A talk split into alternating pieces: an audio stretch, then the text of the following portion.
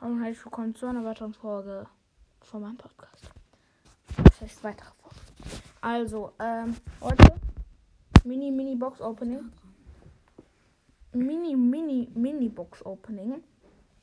Aber nicht wieder von jeder Sorte, sondern wir haben jetzt, ähm, warte, ich mach mal kurz Sound an.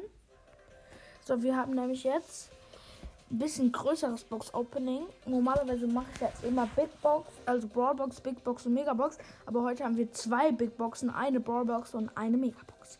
Wir gehen mit der Brawl Box. 17 Münzen, zwei verbleibende Gegenstände. Vier Mr. P und acht Jackie. Große Box, erste von zwei. Drei verbleibende, 37 Münzen. Okay. Das wird was. Nee, wird's nicht. Doch. Stimmt. Ähm, 11 Gale, 20 Nani und das Gadget. Also ich finde es auch scheiße, aber egal.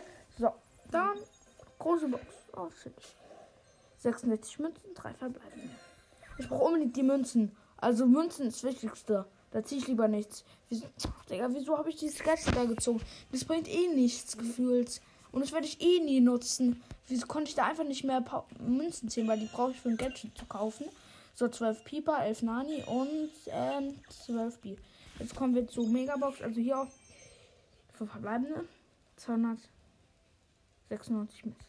So, ähm, 14 Mr. P, 20 Lu, 8 8-Bit und ähm, 38 Nani und 48 Edgar. Wow. Also ich hoffe jetzt, ich habe noch nicht mal genug Münzen. War schon ein enttäuschendes Box-Opening. Enttäuschend.